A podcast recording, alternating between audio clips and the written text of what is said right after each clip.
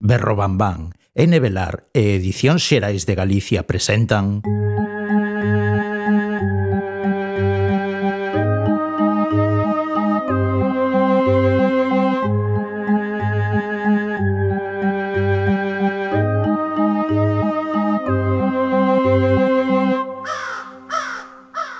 Trece avisos. Historias para escoitar pola noite.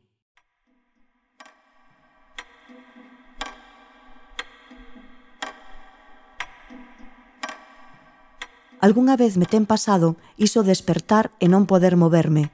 Nin os brazos, nin as pernas, nin ningunha parte do corpo, agas os ollos, que teño abertos. E éntrame un pánico horrible a non poder volver moverme nunca máis. Quedar para sempre paralizada. Ata que me decato de que estou soñando, de que estou dentro do soño. E o pánico aumenta por non ser quen despertar de verdade, por quedar prisioneira. Podedes buscarlle os soños as explicacións que queirades, para ter a sensación de que son vosos, da vosa propiedade, cando o certo é que os soños, e sobre todo os pesadelos, escapan do voso control. Soñades con lugares onde nunca estivestes, con persoas que nunca coñecestes, con monstros deformes, cruéis e moito máis familiares do que vos gustaría admitir. E a mañá seguinte esquecedes. Pero que acontecería se algo dese soño se coase na realidade? Se toparades con algún deses monstros na parada do autobús, na rúa, no supermercado. Son Paula Carballeira e doucha benvida a 13 avisos, un podcast onde falamos sobre o medo, contamos historias e intentamos explicar o inexplicable para poder dormir pola noite sen temor aos pesadelos. Música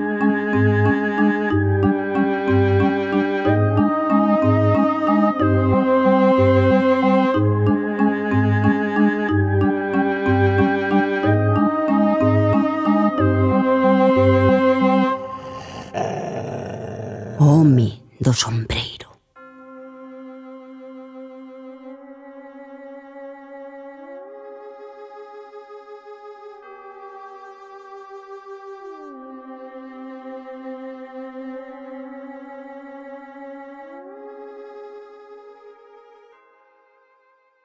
Sandra soñou co home do sombreiro o mércores antes do salto. Sandra saltou dun cuarto piso o sábado desa semana O lume dun incendio empuxara a cara á terraza e Sandra non o pensara dúas veces. Esperaba que a profundidade da piscina fose abonda para que o salto non resultase mortal.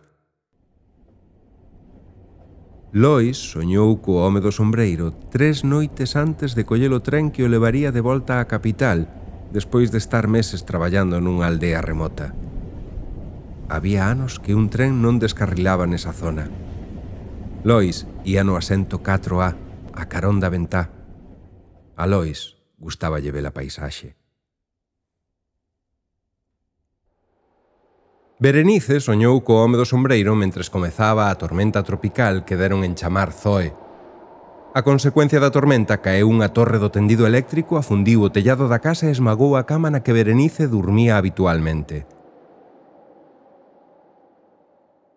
O home do sombreiro tamén apareceu nos soños de Eduardo. Eduardo soñou cun home maior vestido de traxe escuro, con garabata e sombreiro negro. Quedoulle a súa imaxe gravada porque aquel home de súpeto erguía a man esquerda e achegaba ao sombreiro como para saudar.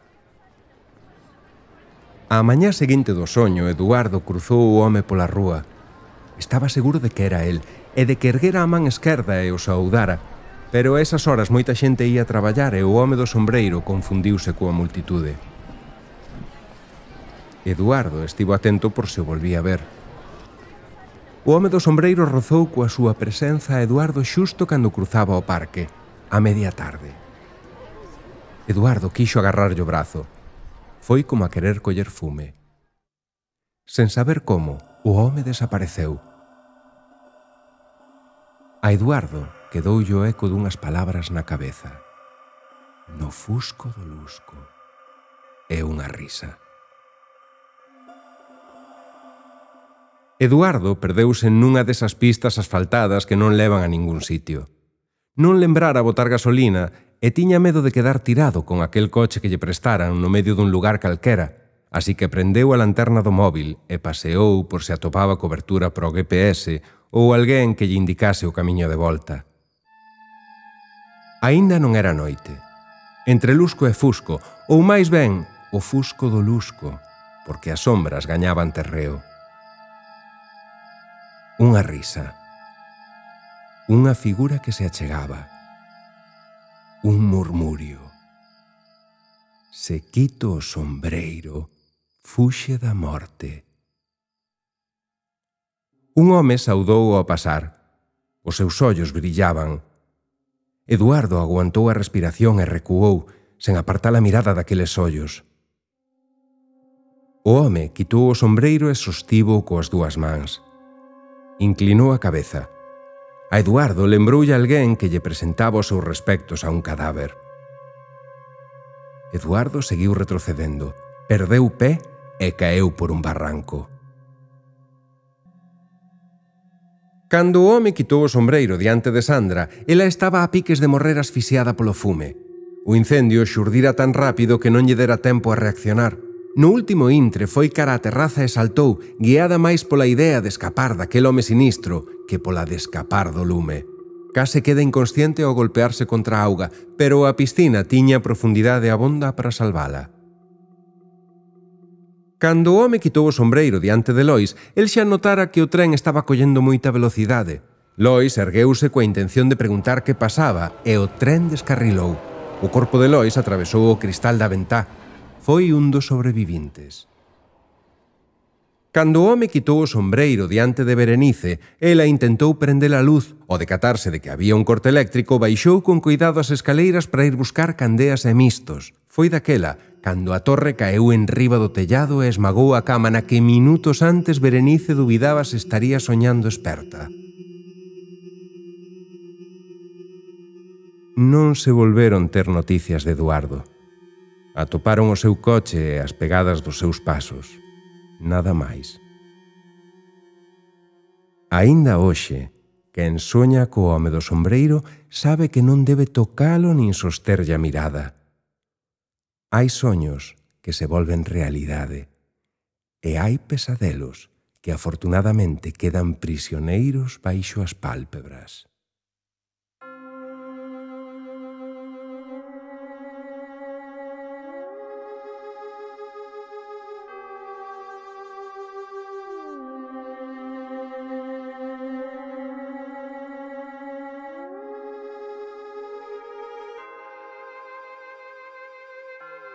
Oh, o home do sombreiro aparece nos soños de persoas de todo o mundo, baixo diferentes formas, e sempre atopa a maneira de dar o seu aviso.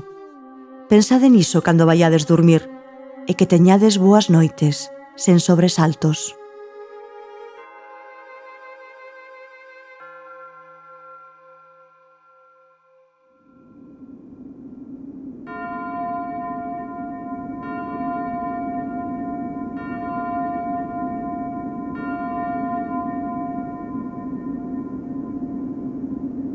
Aviso número 4 Pesadelos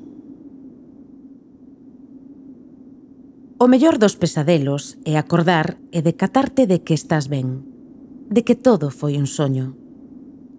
O peor dos pesadelos é cando aparece neles algo ou alguén que despois atopas pola rúa e comezas a dubidar se todas esas cousas terribles que imaginaches chegarán a acontecer de verdade.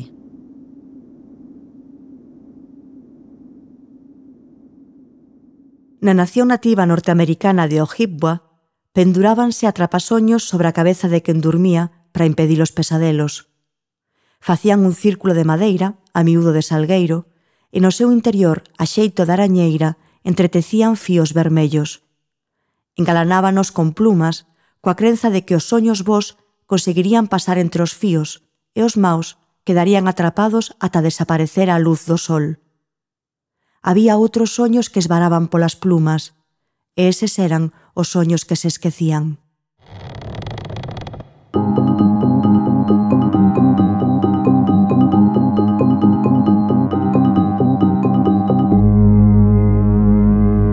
Historias do ataúde. Teño aquí o ataúde. Está esperando que alguén o abra con ese son espectacular. Podo eu. A la eh? Cada vez mellor.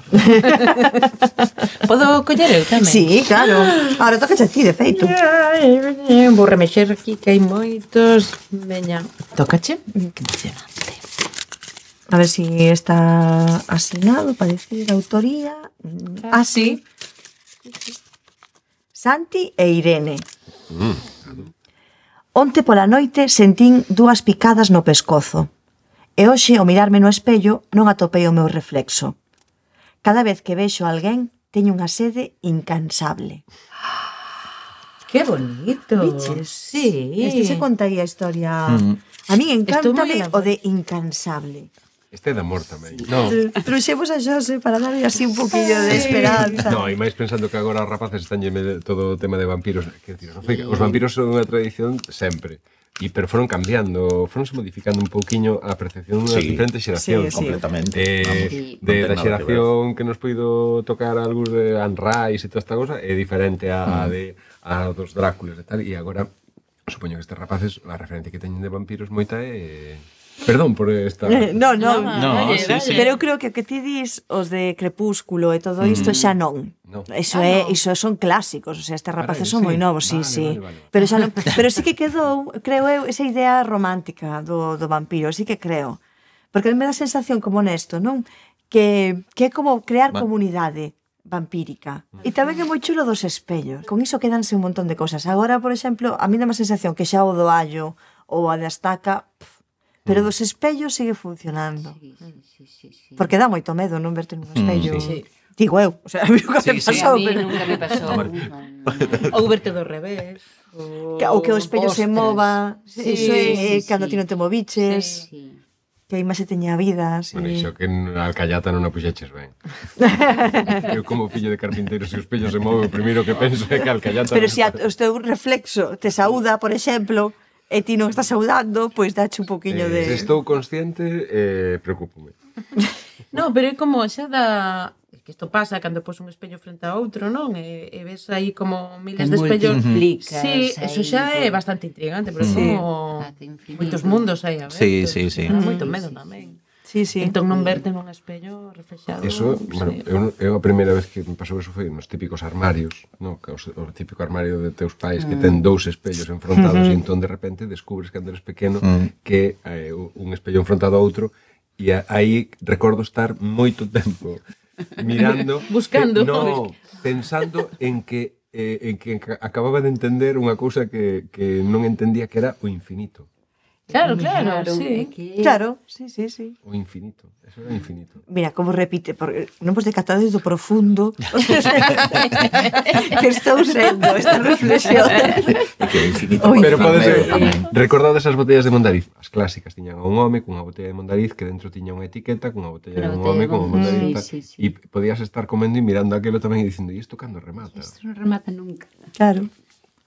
Bueno, é que relacionado co infinito, digo polo do conto do chaval, sí. esta inmortalidade. Claro. Sabes, eso mm. de que eso tamén é é un bombón.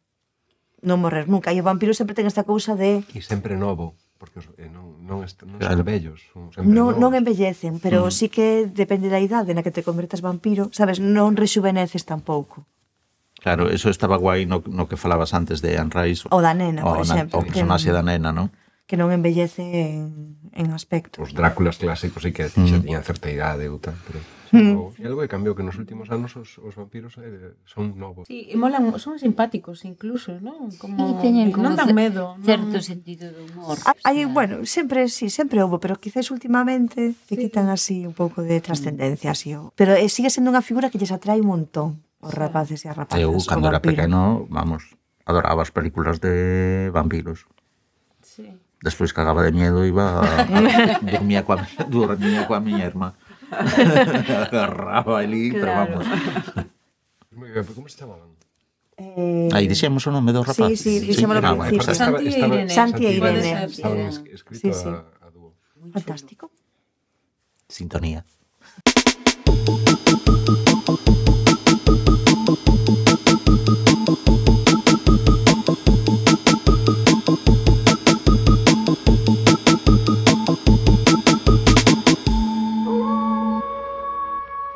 voces desde o alén.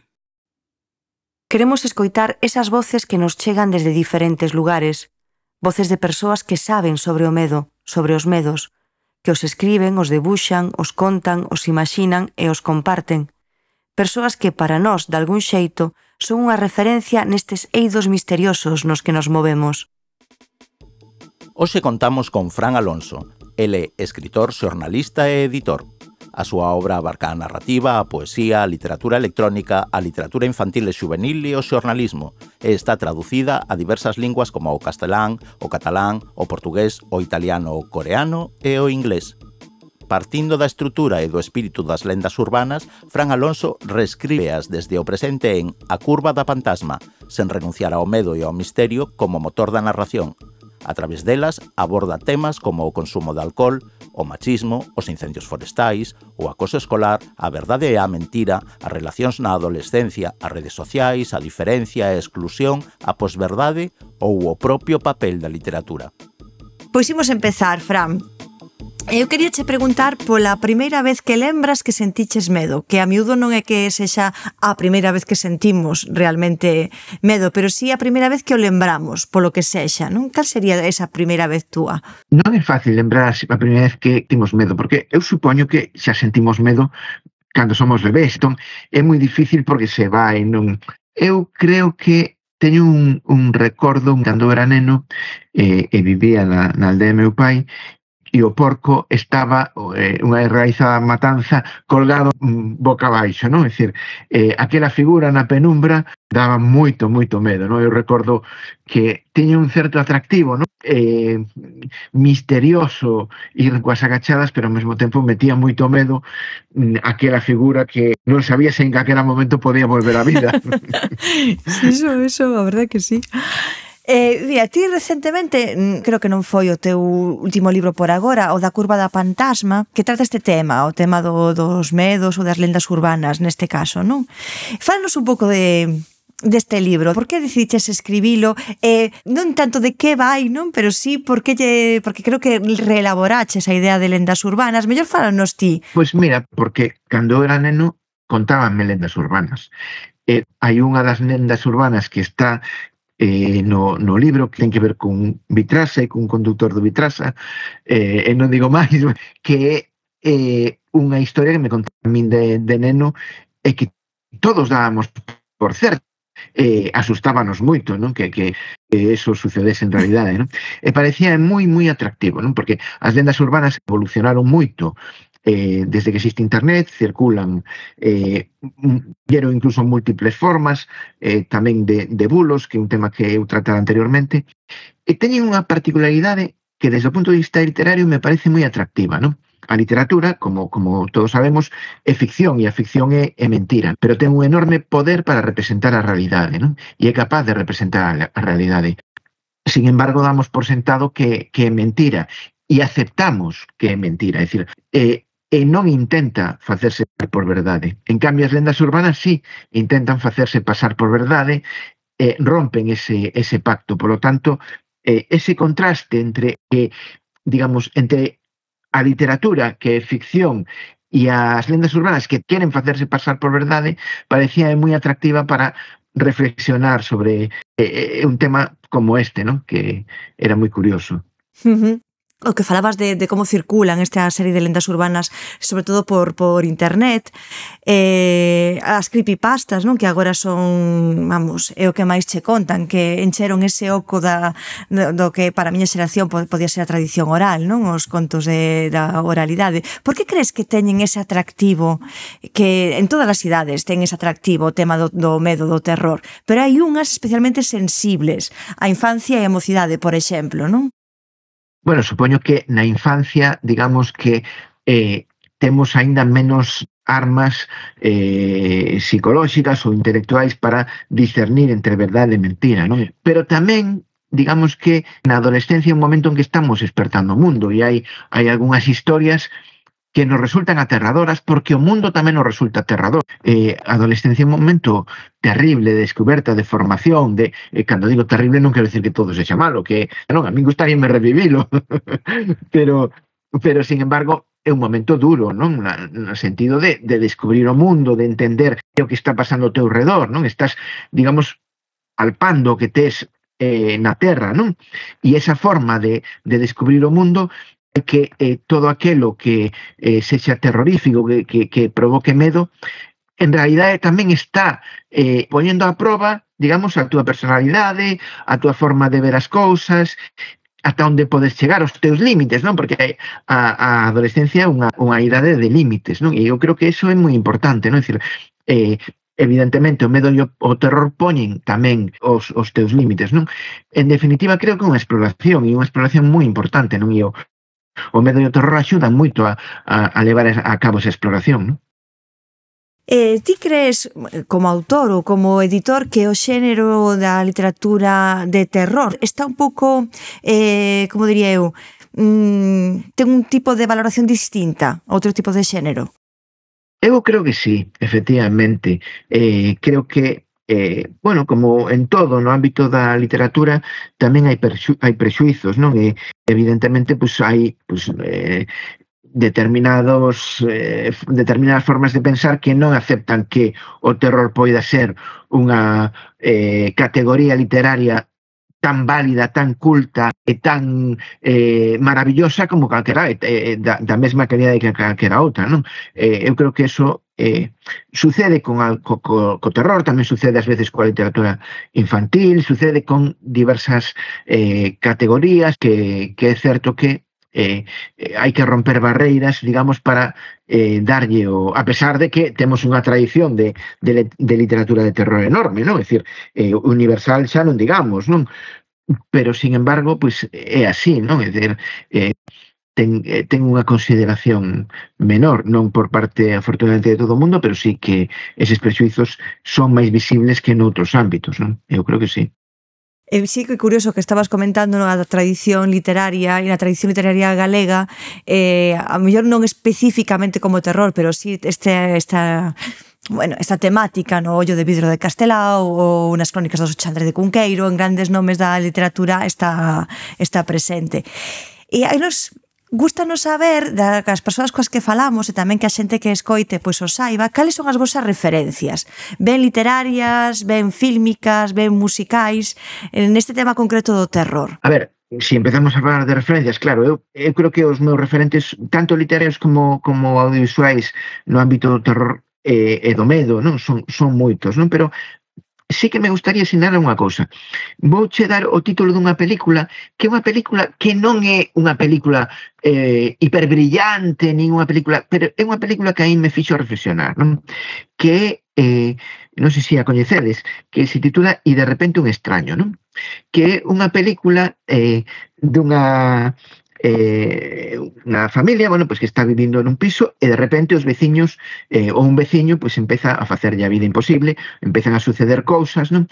E eu eh, sempre tive esa reflexión de vivimos un tempo en que o terror e o medo non pode quedar ancorado eh, pois na época en que todos criamos na Santa Compaña e, eh, polo tanto, é necesario leválo tamén a escenarios e a mm, lugares e a personaxes moito máis actuais, non? Para eh, digamos que sexa tamén máis verosímil para os lectores de hoxe, porque iso é fundamental, non?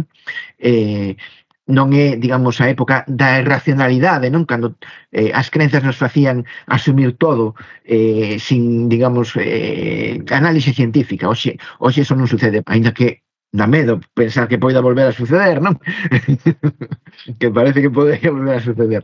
Pero, eh, digamos que eu sempre tiven esa preocupación de decir hai que situar o medo e o terror digamos, nun marco eh, máis crible para a sociedade na que habitamos. Non? E por eso cito ese, ese, ese, esa película, porque é o tipo de, de terror que, que a mí me gustaría facer, que a mí me gustaría sí. ver. Non? Sí, é moi mm. interesante o que dis tamén por isto dos ámbitos rurais e urbanos, non que parece que marcan tamén un tipo de, de, de maneira de entender de entender os, as formas do, do medo. Non? Tamén o que falabas ti das lendas urbanas, do, da túa contorna, supoño. Non? Sí, por suposto.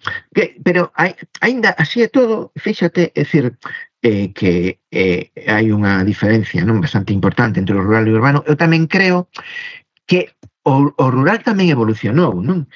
Eh, digamos que tamén esa evolución afecta o rural, non? Ainda que estea, digamos, máis ligado á, á tradición e, desde logo, a tradición oral, non?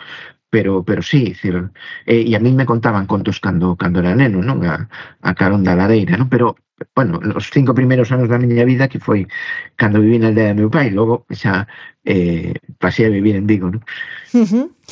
E agora, eh, poderías contarnos algo real, ti que sabes destas cousas, estivemos falando sobre iso, eh, pero de, algo real terrorífico. Bueno, a ver, terrorífico, terrorífico, eh, non, non sei como chamalo, porque claro, eu, para min o, o, o peor, digamos, o peor foi cando me vin en situacións de, de perigo, non?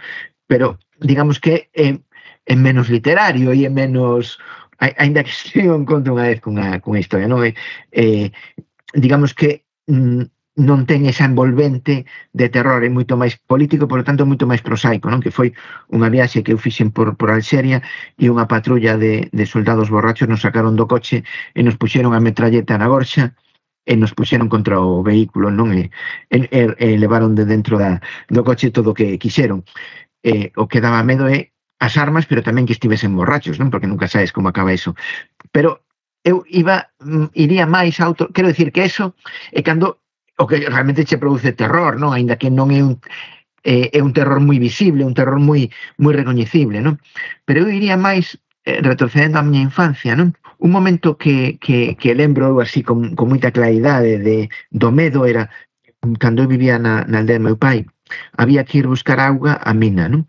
E era unha fonte que saía dunha mina. E na mina había unha porta e abríase un túnel que non sabía, eu nunca percorrí, non sabía onde onde acababa, non? Porque eu metime por ela, pero nunca me atrevín a chegar ao final, non? Claro, baixar de noite por aqueles camiños coas sombras das árbores eh, facendo formas e o vento movendo así un silencio sepulcral e chegabas ali e escoitabas o ruido da auga naquel xogo de sombras e, e, e luz da lúa, pois daba, daba moito medo, non? Eso sí que o recordo con medo, non?